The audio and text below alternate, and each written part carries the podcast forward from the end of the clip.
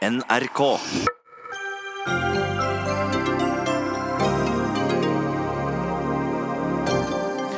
Et år siden metoo-bevegelsen eksploderte og fikk følger for menn i inn- og utland. Hva står igjen av kampanjen nå?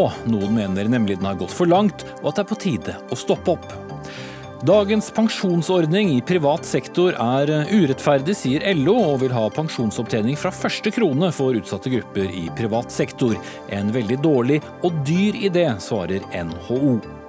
Statsminister Theresa May holdt i dag det som noen tror kan være hennes siste landsmøtetale som leder. Allerede før hun tok sitt første dansetrinn inn på scenen, hadde flere av hennes egne erklært mistillit. Og FN-domstol beordrer USA til å oppheve sanksjonene mot Iran, men kommer Donald Trump til å bry seg om det?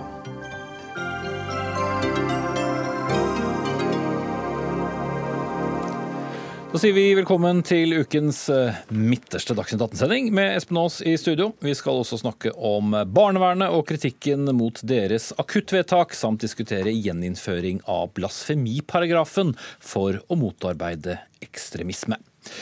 Men eh, først. Det har altså gått ett år siden metoo eksploderte. Hvor står vi nå? Noen mener nemlig kampanjen gikk for langt, tok for mye av, og mener det er på tide å tilgi dem som ble hengt ut. Men eh, dette har du reagert kraftig på. Ida Jackson, forfatter og spaltist. Vi må ikke bry oss om følelsene til menn som er blitt mannegris-shamet, sa du til Morgenbladet i går. Hva mener du med det? Det jeg mener er at vi som feministiske bevegelsen, og særlig de som har altså, fortalt om seksuell trakassering eh, eller andre ikke innafor opplevelser, skal, har ikke et stort sosialt ansvar for de mennene eh, som føler eh, som, som, føler seg tråkka på. Og jeg tenker at Det er viktig å liksom, skru debatten tilbake her. Eh, vi snakker om meet, altså Det finnes en fortelling om metoo om at det var utrolig mange norske menn som ble hengt ut med navn. Realiteten er at det er noen veldig få berømte personer som ble nevnt med navn. De aller, aller fleste norske metoo-prosessene har skjedd anonymt, internt i bedrifter. Uh, og uh, jeg vil jo også si at altså, hvis sønnen min biter noen i barnehagen, så forventer jo jeg at han, at han blir bedt om å be den personen han har bitt om unnskyldning. Men de mennene det er snakk om her, har primært ikke bedt om unnskyldning. Eh, de har jo sagt at dette er det verste som har skjedd med dem noensinne, og at det er veldig synd på dem. Og da mener jeg faktisk at det ikke er den personen som her quote unquote, ble bitt i fingeren, som har det sosiale ansvaret eh, for å tenke så mye på deres følelser. Mm. Anki Gerhardsen, journalist eh, og spaltist med oss på linje. Barbariske og totalitære, sier du om feministbevegelsen. Har metoo gått for langt? Jeg tror samla sett at metoo har gjort noe veldig bra. Et paradigmeskifte, sier mange, og det er jeg enig i. Jeg tror metoo har bidratt til et bedre samfunn, rett og slett. Og det er viktig for meg å si det, fordi jeg også har noen kritiske betraktninger, da.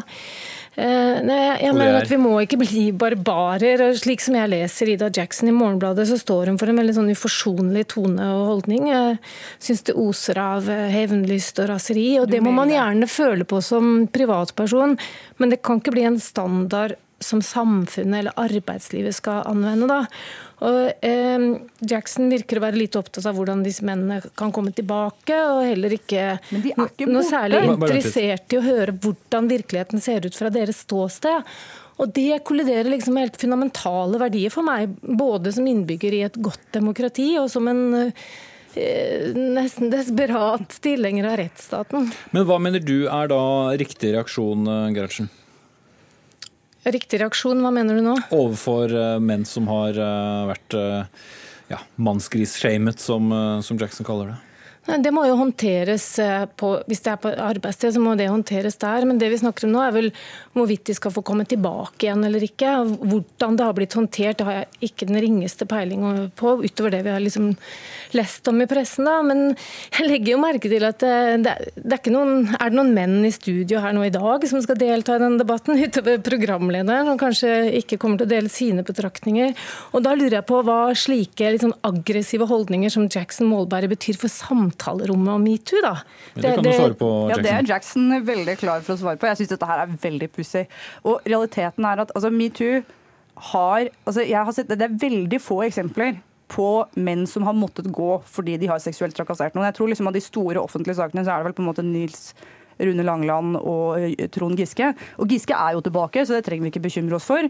Og Langeland så er det jo en lang arbeidslivsrettslig prosess i Universitetet i Stavanger, hvor jeg tror det er liksom viktig å tenke at metoo antageligvis ikke var den, hele den utløsende faktoren for at det kunne skje juridisk. La oss ikke prosessere alle Nei, sakene på men lufta. eh, poenget er at det er ikke så veldig mange flere å nevne. Og jeg er veldig klar for å diskutere med menn eh, som har blitt anklaget for seksuell trakassering, hvordan det var for dem. Men det krever at man kan ha en samtale. Altså Louis C.K.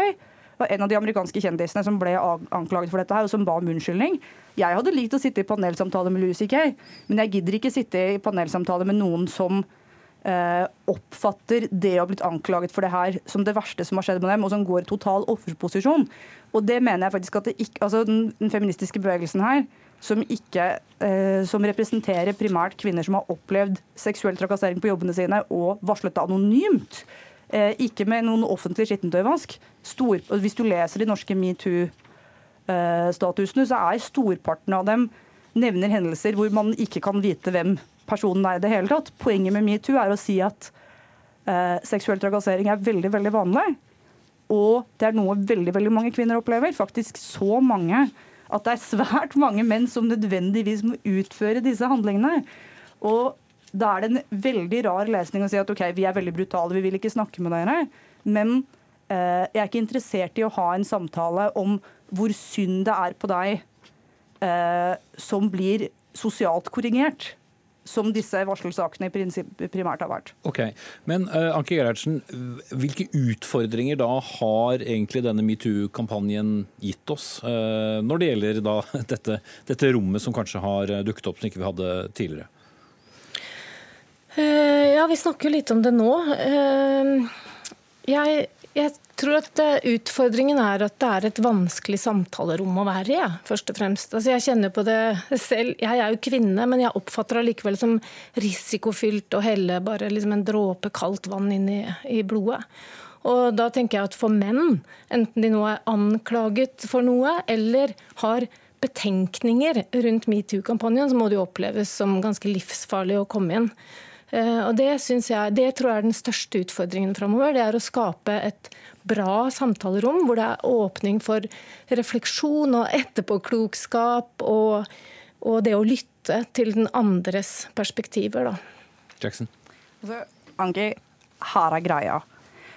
Alle damene som varslet om ting under metoo, f.eks. de 200 kvinnelige skuespillerne som fortalte primært om seksuell trakassering de har opplevd på scenen, de varsler om ting som truer jobben deres, som har fått dem til å føle seg truet, og som har vært svært vanskelig for dem.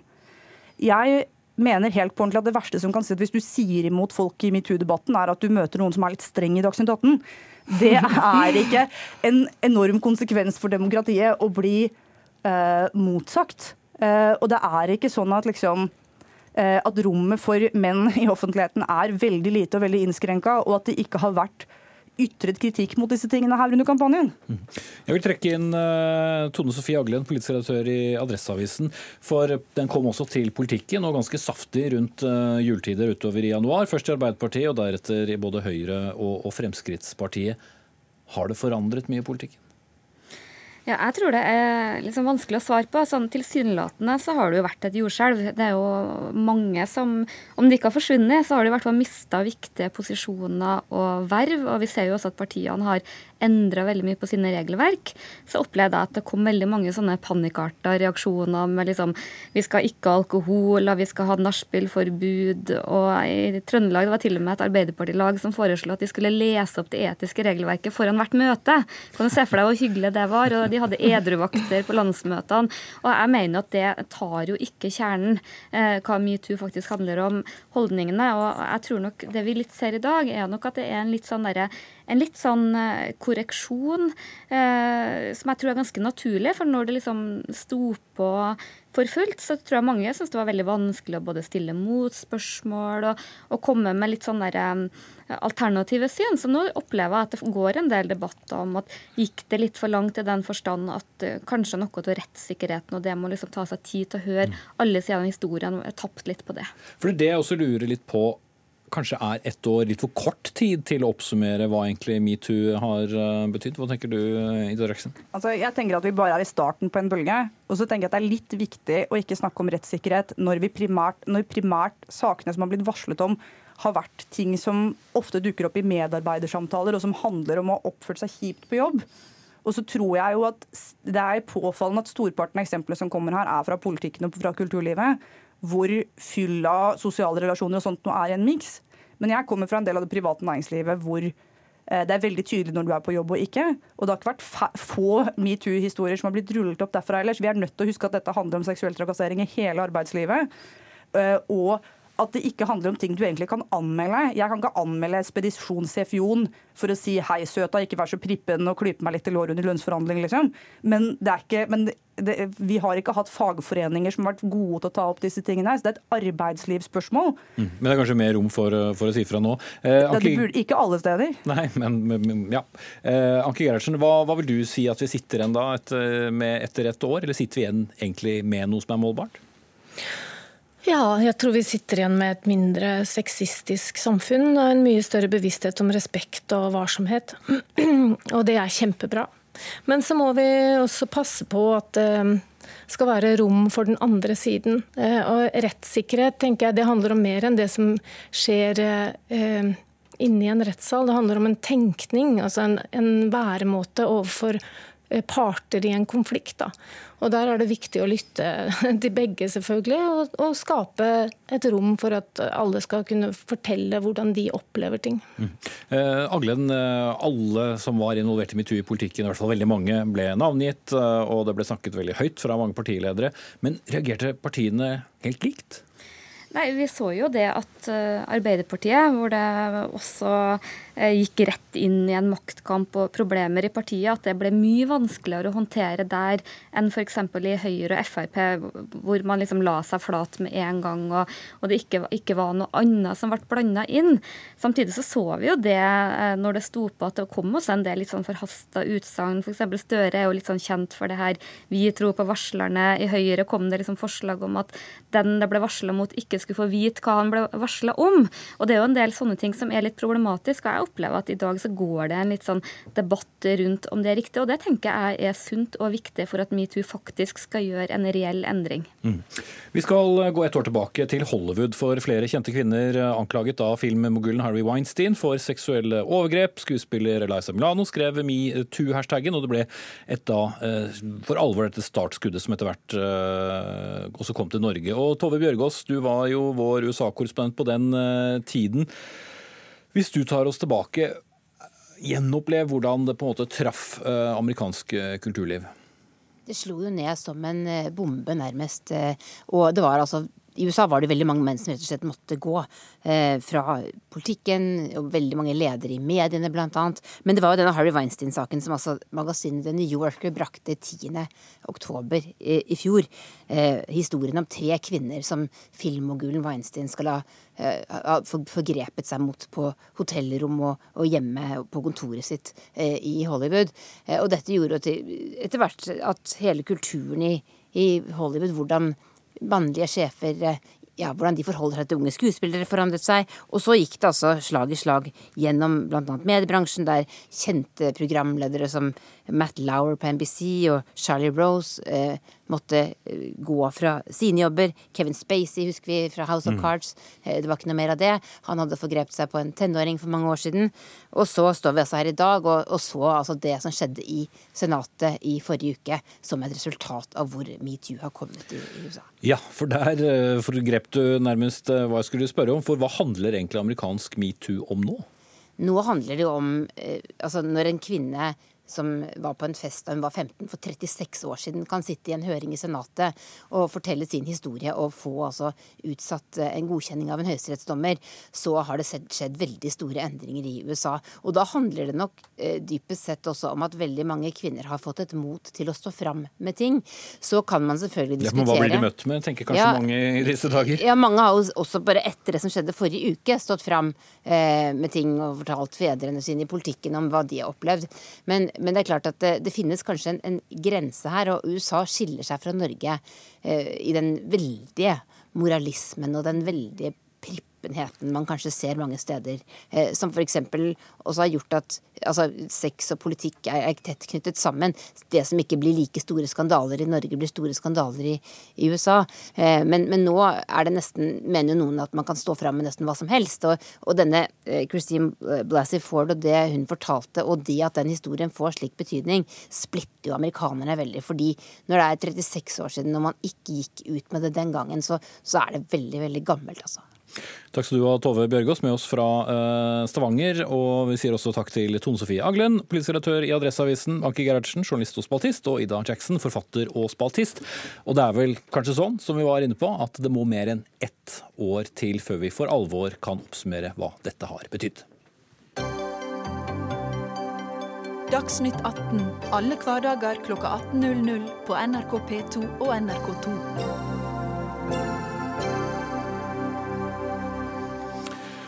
Dagens eh, tjenestepensjonsordning i privat sektor, obligatorisk tjenestepensjon, eller OTP som eh, vi kaller det i, i kortform, eh, er urettferdig. Ja, blodig urettferdig, ifølge LO, som nå har fått med seg Arbeiderpartiet og SV på laget for å fremme et lovforslag om å endre ordningen.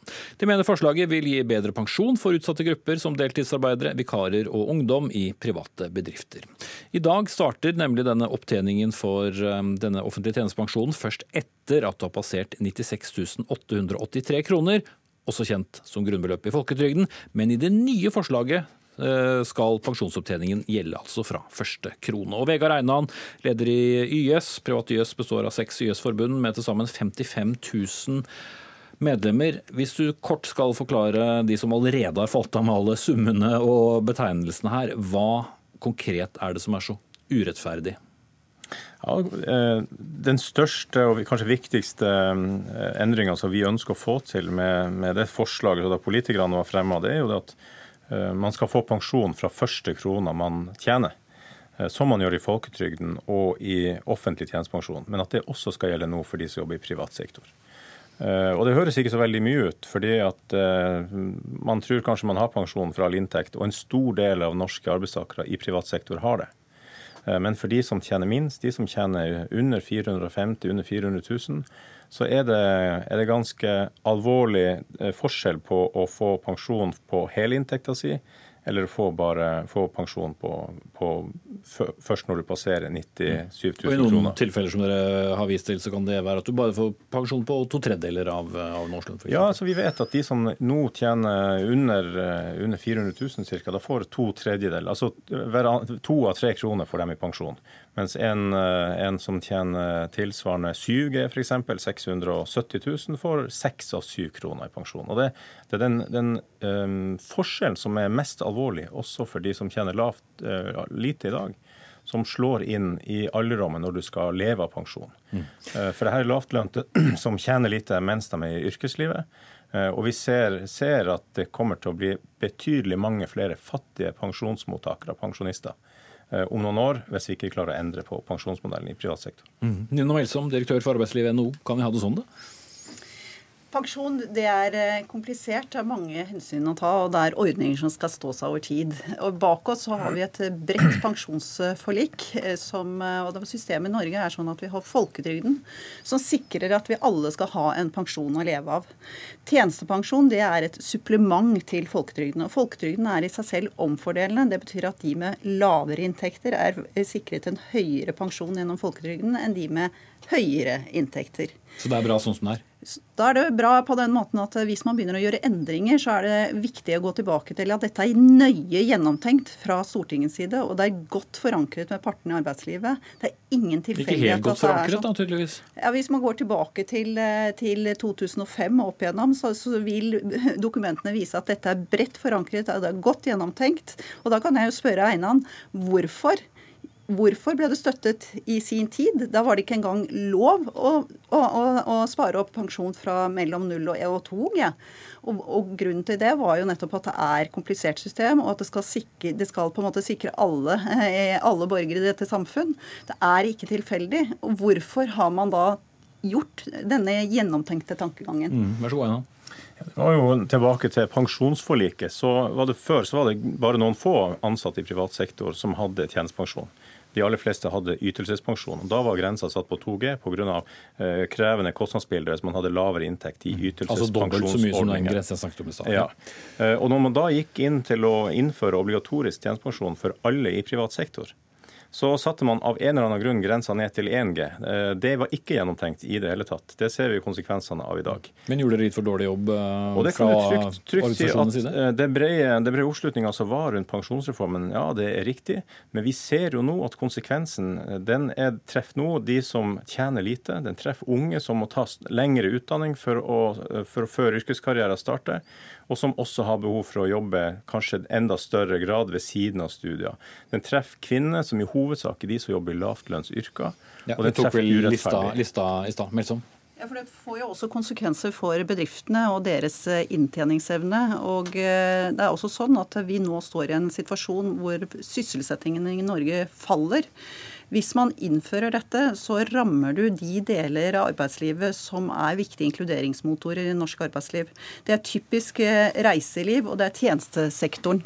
Og jeg vil jo tenke at det er viktig å gjøre dem i stand til å få de unge, innvandrere osv. inn i arbeidslivet, fremfor å gi eh, mer til de som allerede er i jobb.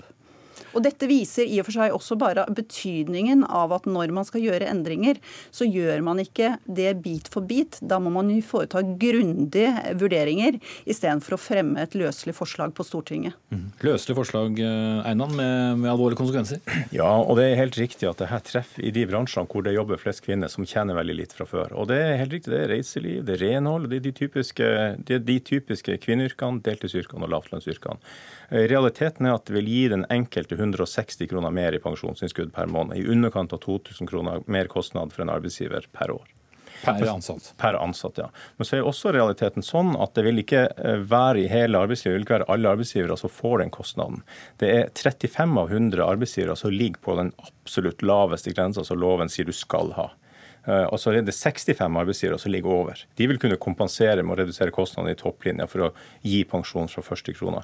Men det er mindre enn tre av ti ansatte det gjelder, fordi at en, en stor del av de her virksomhetene har få ansatte. Og, og, da tenker jeg at Når det er så få ansatte i gjeld, så er det de som trenger det mest. Det er de som kommer til å Og man kan ikke leve av forholdet mellom tjenestepensjon og folkepensjon når man blir pensjonist. Det er kroner på, på konto som betaler for melk og brød, og det er det vi må ta hensyn til. Vi må endre opp de skjevhetene som kom i pensjonsforliket, for nå ser vi resultatene. Det, det, er jo ikke tvil om at dette går utover lønnsevnene til bedriftene. og Det er jo derfor også bedriftene er så tydelige i forhold til oss. At dette går utover deres lønnsevne, det går utover deres konkurranseevne.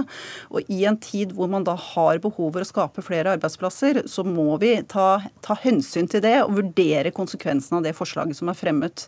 Og Da er det oppsiktsvekkende at man fremmer et så løselig forslag og prøver å endre brett, et bredt pensjonsforlik. Når du kaller det løselig, og dere har gjort det et par ganger nå.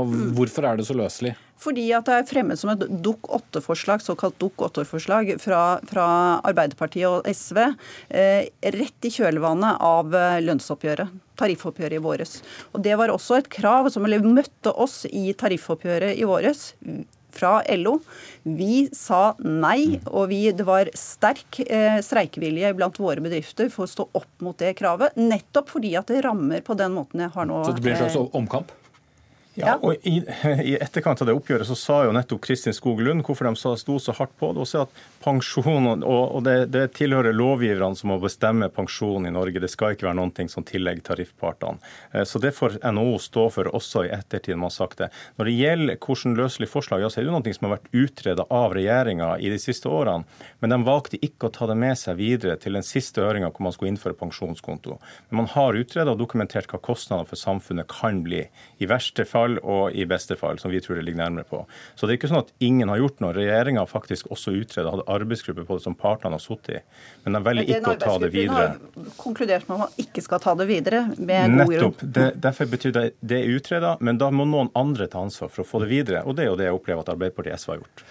Men det kreves også flertall dersom det skal gå gjennom. Vi får se hvordan det blir behandlet i Stortinget. Takk til Vegard Einan, leder i YS Privat, og Nina Melsom, direktør for arbeidsliv i NHO.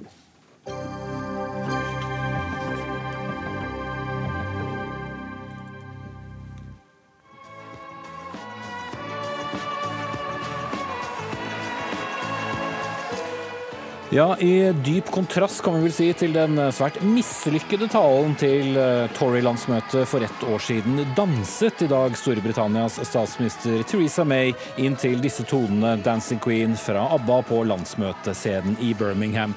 Og referansen var selvsagt til den ikke fullt så imponerende dansen hun fremviste i Kenya i august, som etter hvert gikk som en farsott på nett. Men om hun pekte nese til de som lo av henne da, så har det på ingen måte vært like lett å by opp verken EU-skeptiske partifeller eller EU som sådan til dans de siste månedene. Øyvind Nyborg, du er med oss eh, direkte fra landsmøtet i Birmingham. Det var eh, mye bråk i forkant eh, av denne talen, ikke minst tidligere utenriksminister Boris Johnson i går, som rett og slett ville skrote hele hennes forslag til løsning med EU.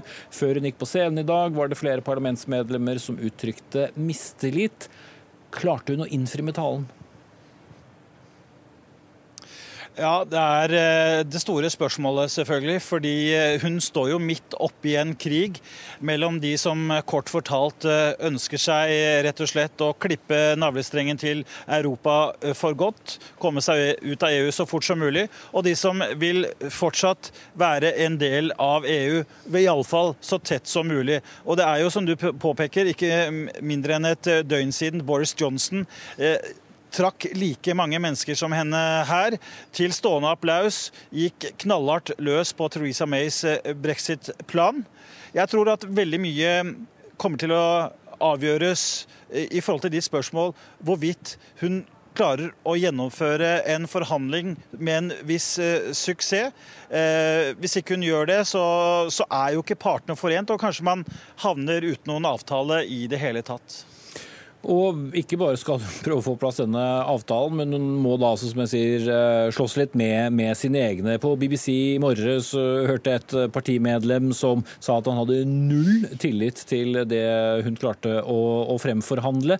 Og når du har gått rundt i landsmøtegangene nå de siste dagene, Øyvind, hvordan merker du den splittelsen eh, i partiet som, som for all del har vært der lenge, men som kanskje er mer tilspisset nå? Ja, Det er en veldig, veldig dyp eh, splittelse. Det er nesten som om det pågår eh, to parallelle landsmøter. Det er en stor gjeng som eh, slutter seg til Theresa May. En stor gjeng som slutter seg til Boris Johnson. En del av de som, som står som brexit-forkjempere her. De eh, støtter eh, ingen av dem. De liker kanskje ikke Boris Johnson, men samtidig så mumles det også om hvor lenge kan Theresa May sitte? Hvor bærer dette her eh, hen? Det er jo også en regjering og et folk som er akkurat like splittet. Da sier vi foreløpig takk til deg, eh, Øyvind Nyborg, med oss direkte fra Birmingham. Jeg vender meg eh, nå til Kristiansand og førstelektor ved Universitetet i Agder, eh, Jan Erik Mustad. Tidligere finansminister George Osborne sa jo for et par år siden at hun var en dead, man, dead woman walking. Er det fare for Theresa May at dette ble hennes aller siste landsmøte som statsminister?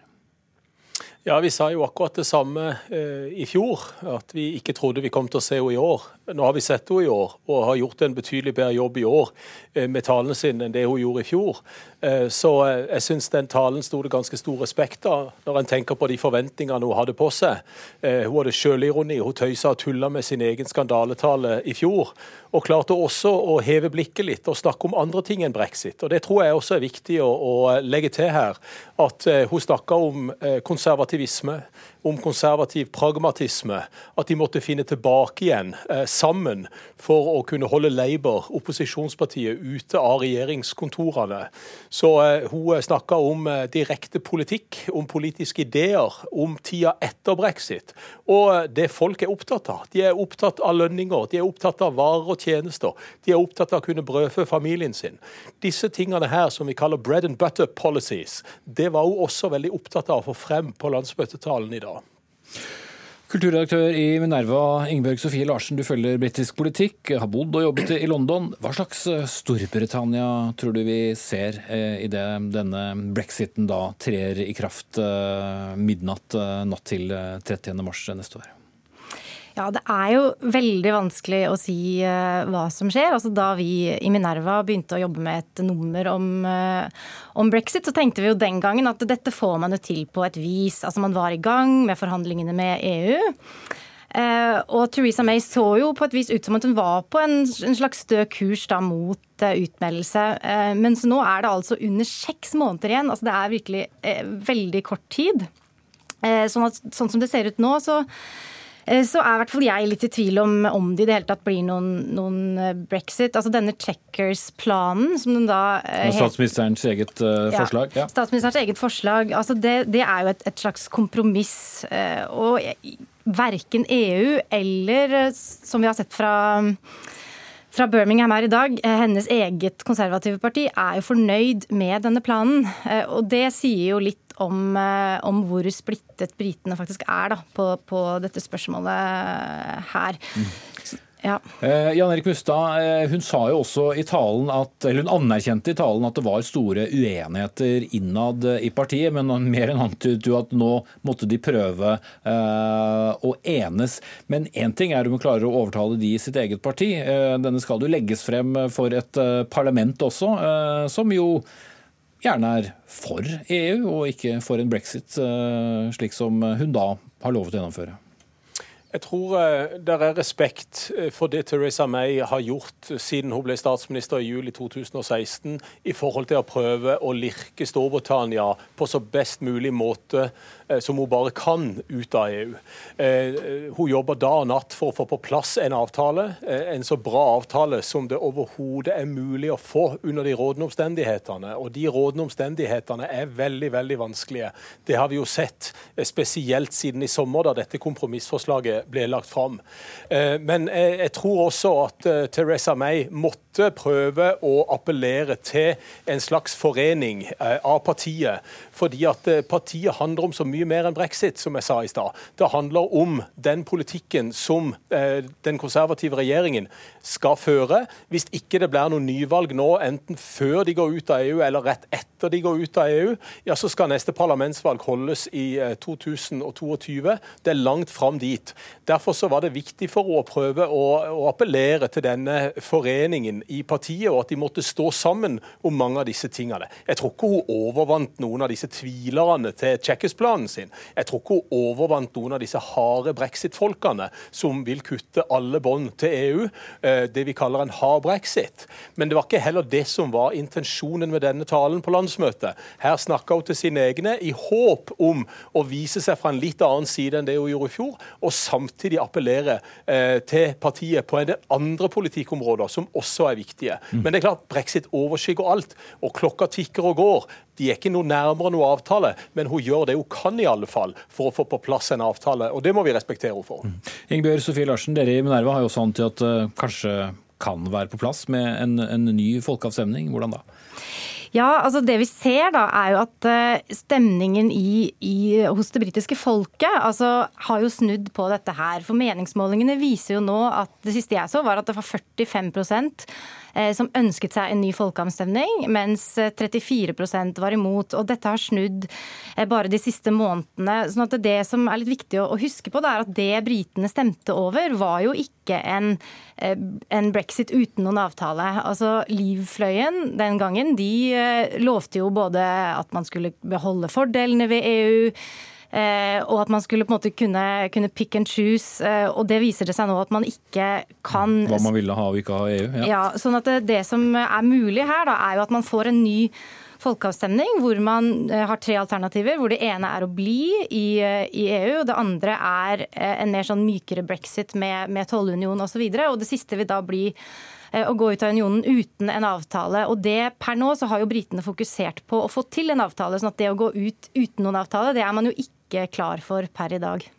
Og kan også få noen voldsomme konsekvenser. Vi er fremme ved deres eh, brexit. Ingebjørg Sofie Larsen fra Minerva og Jan Erik Mustad ved Universitetet i Agder.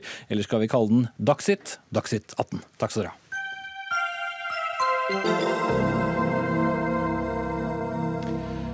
I dag eh, slo FN-domstolen eh, ICJ, eller Den internasjonale domstolen, da, i Haag fast at amerikanske sanksjoner mot Iran er eh, ulovlige. Det gjelder da sanksjoner som går utover flysikkerheten og den humanitære situasjonen i landet.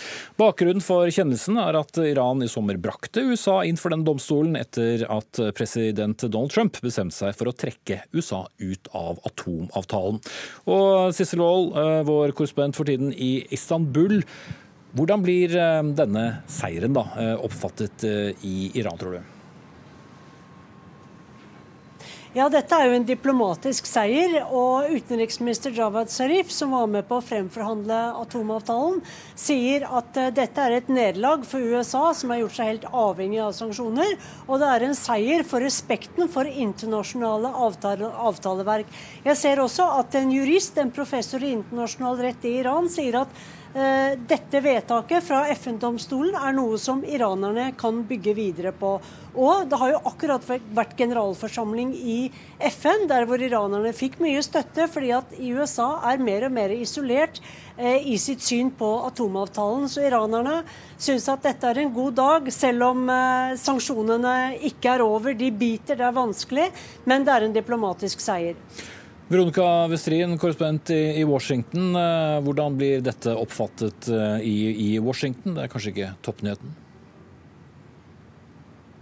Nei, dette preger i liten grad nyhetsbildet her i USA. Her er det Kavanaugh og Trump-familiens eh, penger som står på agendaen.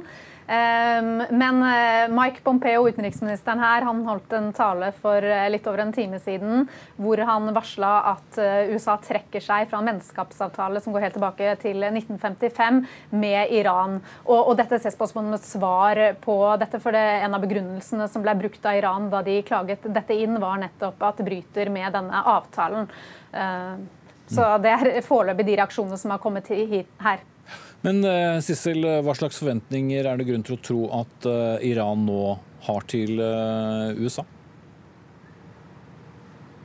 Iranerne håper jo at EU skal fortsette å kjempe for atomavtalen.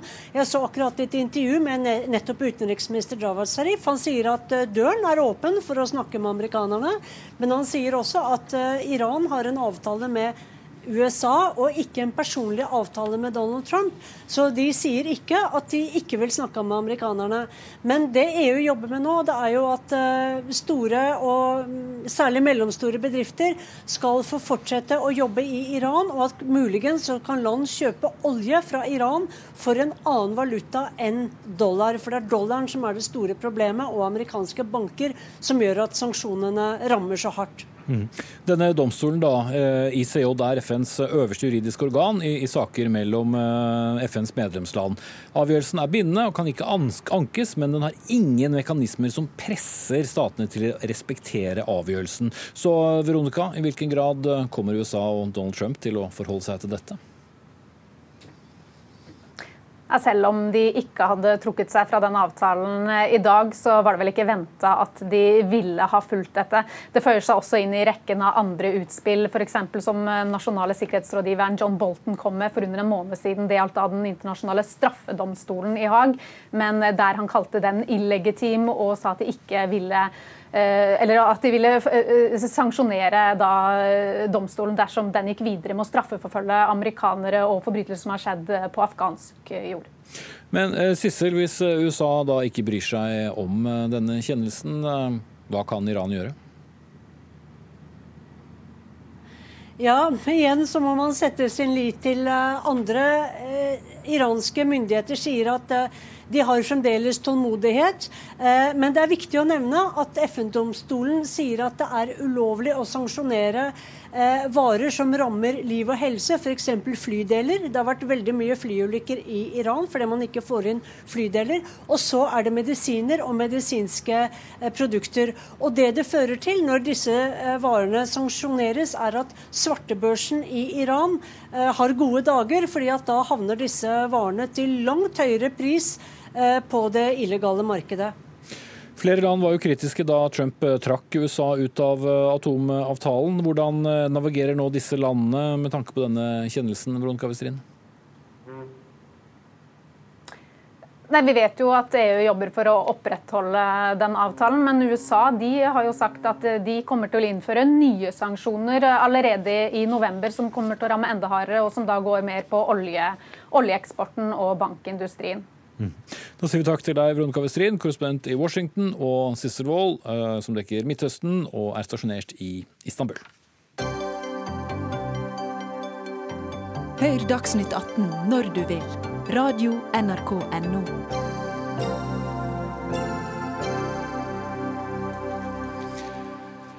I dag kunne NRK fortelle om Marie på 14 som ble tvangsflyttet av barnevernet. Selv ville hun bare hjem igjen til sin egen mor. Hun er en av fem barn som daglig blir tvangsflyttet av barnevernet, for barnevernet er en av de få institusjonene som har myndighet til å bruke nettopp tvang. Vil si at barnevernet kan hente barn ut av hjem uten forvarsel og samtykke og omplassere dem. Barn som tvangsflyttes kan oppleve dette som traumatiserende og senere få problemer med å stole på voksne. Og Ragnhild Pettersen, psykolog og, og sakkyndig eh, hvorfor blir dette så problematisk eh, for barn? Tanken er vel at det skal gjøre det bedre for dem? Altså Tanken med et akutt eller hastevedtak er jo selvfølgelig at man skal gjøre det bedre for barnet. Fordi at det er ting i barnets nærmiljø, omsorgen, som er så dårlig at kan være, barnet kan bli vesentlig skadelidende. Eh, men sånn som det fungerer i praksis, så er jo den grensen for hva man vurderer som vesentlig skadelidende, etter mine begreper altså den er flyttet mye i forhold til det som var lovgivers intensjon. Og Det å flytte barn akutt, altså de blir hentet på skole, barnehage, de får ingen forvarsel. Eh, de blir kjørt ofte langt eh, vekk hjemmefra. De får ikke med seg lekene sine, ikke bamsen sin som de gjerne trenger å sovne med. Det er, en, det er en rystende opplevelse for de fleste barn. Hva gjør det med dem, da? Ja, Det kan jo skade barn på lang sikt. Det kan gi dem traumer. De kan miste tillit til de voksne. Og spesielt i de sakene der barn sjøl ikke har opplevd at de har det så ille hjemme som de voksne rundt de sier. Mm. Linda Hofstad Helleland, barne- og likestillingsminister fra Høyre. Hva tenker du når du hører dette? Nei, Jeg syns at det sies mye klokt her. Og målet vårt er jo å gjøre barnevernet eh, så godt at eh, flest Altså, vi trenger færrest mulig akutte flyttinger.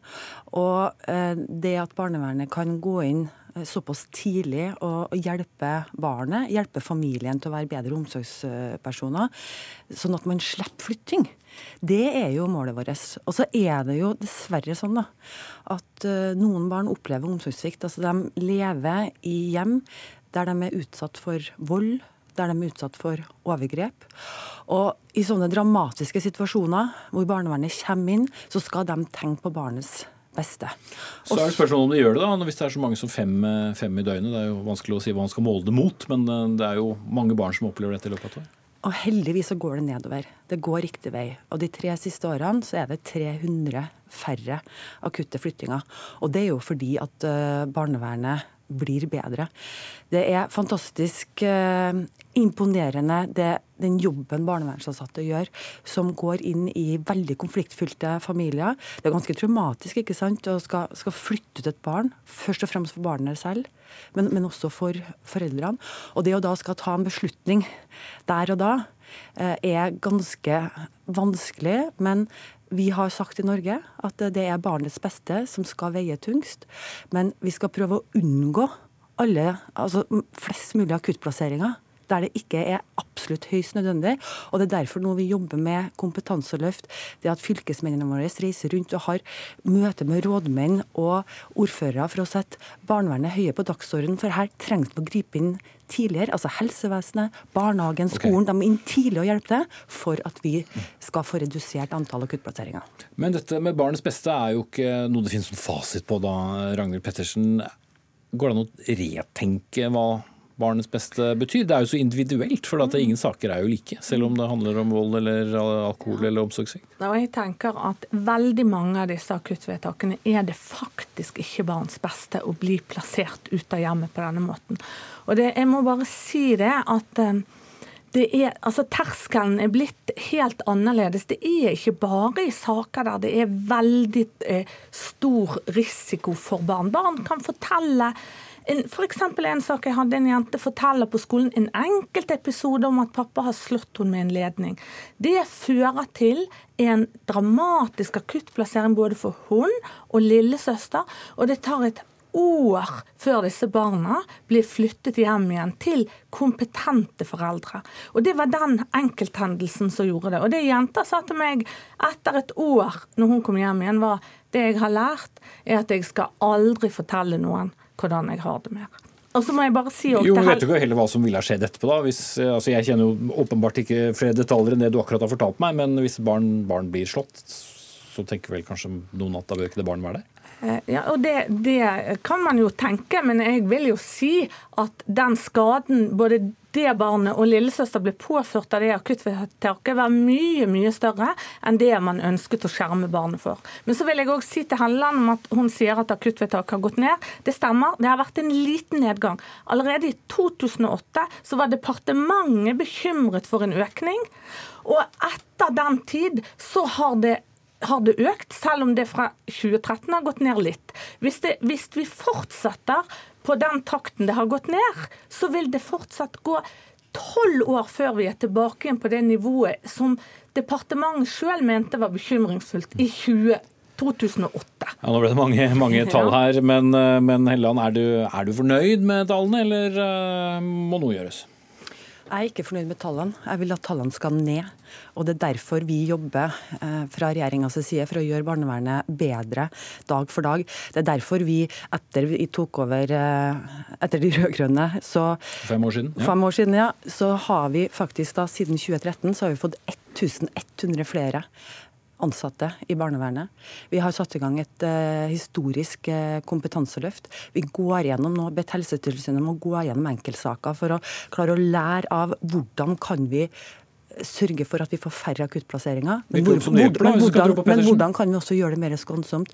Jo, men det, det, går jo ned, og det er riktig. Og så må vi tenke på at allerede når barnet ligger i mammas mage, så kan ofte helsestasjonen se at det her er det en familie vi må, vi må følge. Eh, barnehagen skjer det ofte, skolen skjer det ofte. Og da må man gripe inn tidlig, sånn at man kan hjelpe familier til å bli bedre foreldre og omsorgspersoner for barna sine.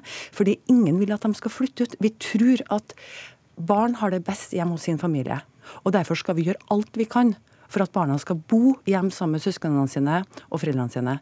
Men så har du de tilfellene at det er eh, barn som utsettes for vold, som utsettes for overgrep, overgrep og der det er en omsorgssvikt i hjemmet, så skal barnet tas ut. Og Da er det den enkelte saksbehandler som, som kun tar stilling til det her. Vi har jo denne sikkerhetsventilen gjennom fylkesnemnda sin behandling, sånn at også eh, foreldre har en mulighet til å få vurdert saken sin. Jo, jeg skjønner det, men likevel så virker det som du står litt på, på stedet hvil. Altså hvor, eh, men samtidig, hvor, hvor utålmodig kan, kan, du være hvis det er et arbeid som er i gang? Pettersen, burde, burde du gi mer tid?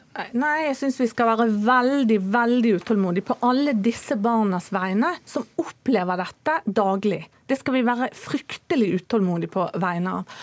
Og eh, jeg hører Helleland sier at vi ønsker at de fleste barn skal bo hjemme. Ja, sånn er det jo.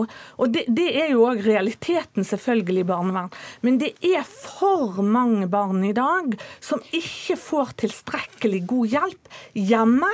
Og det er store kompetansemangler i barnevernstjenesten. Og holdningsmangler som må jobbes med. Helland.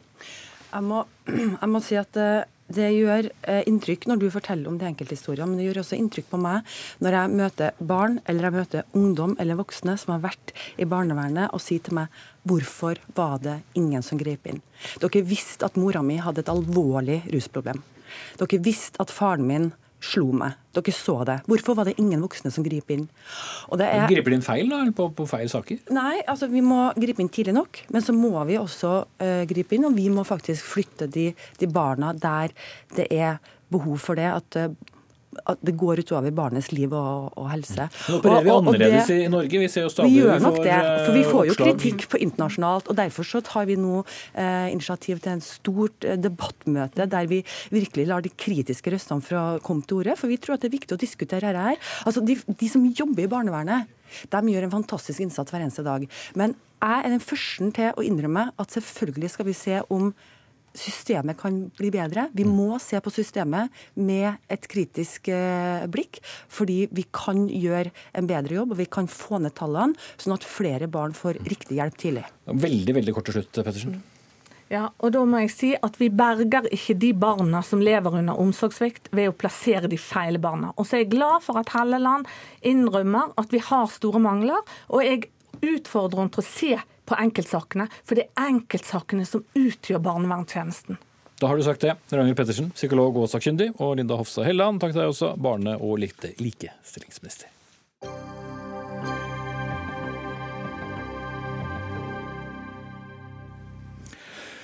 Hvis eh, det blir forbudt å tegne karikaturer av profeten Mohammed, så vil det føre til mindre radikalisering. Ja, Det sa samfunnsdebattant Kasim Ali til Klassekampen tidligere denne, eller forrige uke, faktisk. Ali mener det er på tide å gjeninnføre blasfemiparagrafen som ble fjernet fra straffeloven i 2009. Det er ikke alle enig i, veldig få faktisk, for det har ikke manglet på motbør i etterkant av den uttalelsen din, og vi skal nok få en i studio snart også. Men eh, Kasim Ali, er det gjennomtenkt? For det første så syns jeg ja, de som har vært eh, imot, eh, det var forventet. Eh, men det har vært massiv støtte fra norske muslimer. Eh, og det var eh, ikke at jeg er talsperson på noen som helst måte for norske muslimer, men jeg har bare gjengitt hva jeg vet norske muslimer føler, og har følt i over mange, mange år med tanke på den karikaturstriden. da. Mm. Men hva er det, hvordan hjelper det oss å kalle det for eh, blasfemi? Altså, hva, hva er gevinsten? Nei, nå, nå er det Det jeg etterlyser, er egentlig begrensninger i lovverket som kan hindre, altså øh, gjøre det ulovlig å sjikanere, krenke øh, profeten Mohammed. Eh, og det er det, det er det jeg mer, Ikke, ja, ikke Ja, mer eller mindre. og, og da vil det føre til mindre radikalisering? Det som er at Karikaturstriden er ikke alene årsaken til all radikaliseringen, men det har vært et triggerpunkt, eh, spesielt i norsk kontekst. Eh, og da tenker jeg at eh, hvis du tar fra ekstremister på begge sider da, det ene verktøyet som de ofte bruker, så da, skal, ja, da, er det muligheter for at Men karikaturstriden er ikke alene årsaken til radikalisering. Men, Men det det er er et av de viktigste, av spesielt i norsk kontekst. Så er det det viktigste. Sammen med selvfølgelig krigføring i muslimske land, der vi har satt eh, eventuelt norsk deltakelse. Eh, og så er det også ideologi. Så vi skal ikke se bort fra at det også er en ideologi disse eh, menneskene følger. Det er også karikatursiden som de bruker. Og så er det også krigføring i muslimske land. da. Eh, Kamshari Gunnar Ratanam, varaordfører i Oslo. Du sier du er glad for han tar opp uh, temaet, men uh, du er ikke helt enig? Nei, jeg er ikke enig. Jeg mener ytringsfrihet er ganske grunnleggende i et åpent demokratisk samfunn. Og blasfemi, som da også karikatur er, eh, er en del av det.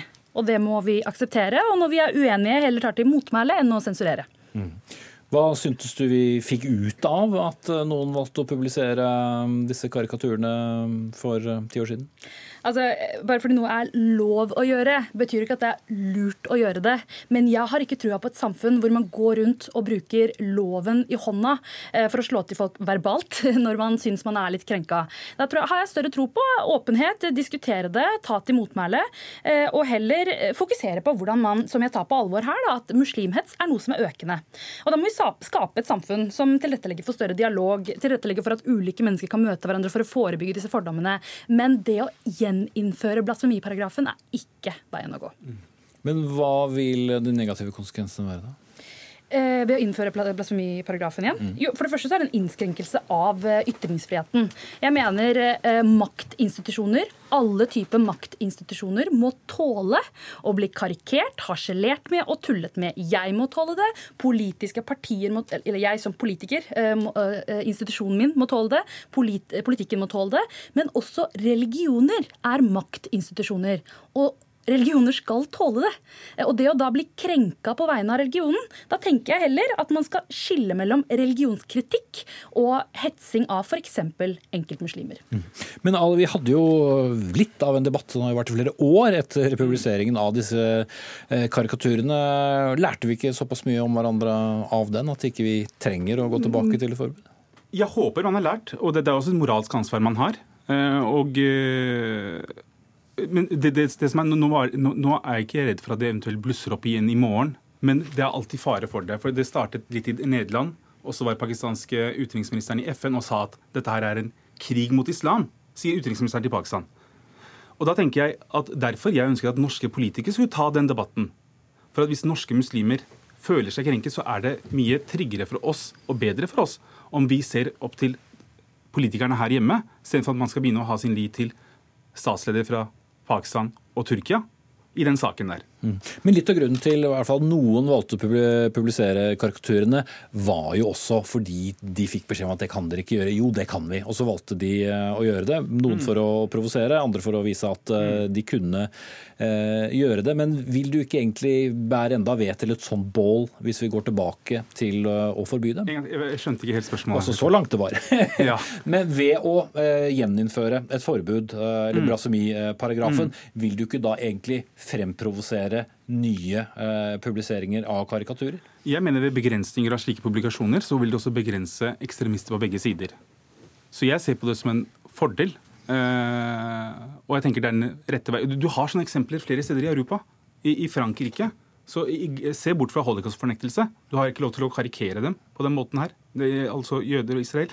Nylig så var Ervin Kohn ute etter, en, eh, etter at Dagbladet publiserte en karikatur av statsministeren. Han var han, han, her, ja. jo, jo, han krevde også at de skulle ikke bare beklage, men også deretter fjerne. Så han krevde faktisk en straff, en reaksjon. Mm. Så, på, på, på, på, dette her. Så dette, det er overhodet ikke noe kontroversielt eller noe nytt, det jeg tar opp nå. Og den massive reaksjonen som har kommet fra tverrpolitisk nei, da, det var egentlig forventet. Selv om jeg hadde håpet at KrF kanskje kunne se litt mer i i den retningen som de har allerede gjort tidligere, senest som 2015. Gunnar Atanam, er det ingenting ved dette som du ser som en uh, positiv ting? Altså Noe positivt ved å gjeninnføre blasfemiparagrafen? Mm. Nei, det gjør jeg ikke.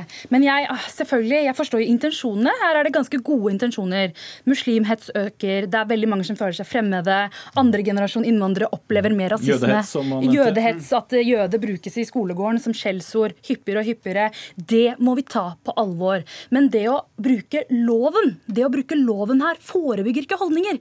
Bare fordi noe forsvinner fra kommentarfelt eller i eh, offentlig ordskifte, så forsvinner ikke ikke holdningene. Og Derfor er den viktigste jobben man gjør dersom man ikke liker noe, er å ta til motmæle og delta i diskusjonen. Sensur bidrar ikke til å, øh, til å få samfunnet til å gå videre. Det er det motmæle som gjør. Mm, Nei, jeg, jeg mener begge deler. Jeg mener begge deler. Er, du trenger en holdningsendrende arbeid. Jeg, har ikke vært, jeg er født og oppvokst her.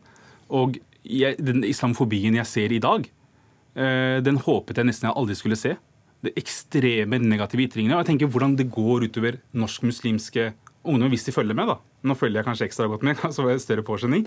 Men hvis folk følger med, og hvor ille det er. Og da tenker jeg her trengs det eh, holdningsendrende arbeid. Helt enig.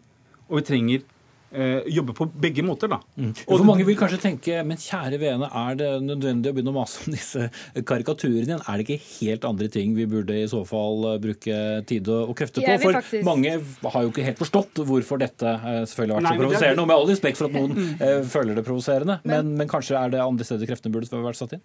Jeg vil, jeg vil, gjerne kommentere det. Jeg har opplevd at etter at eh, Ali kom med eh, oppslaget sitt, så har det vært fra både venstresiden og høyresiden og alle tenketanker vært veldig sånn Dette må vi slippe å og diskutere.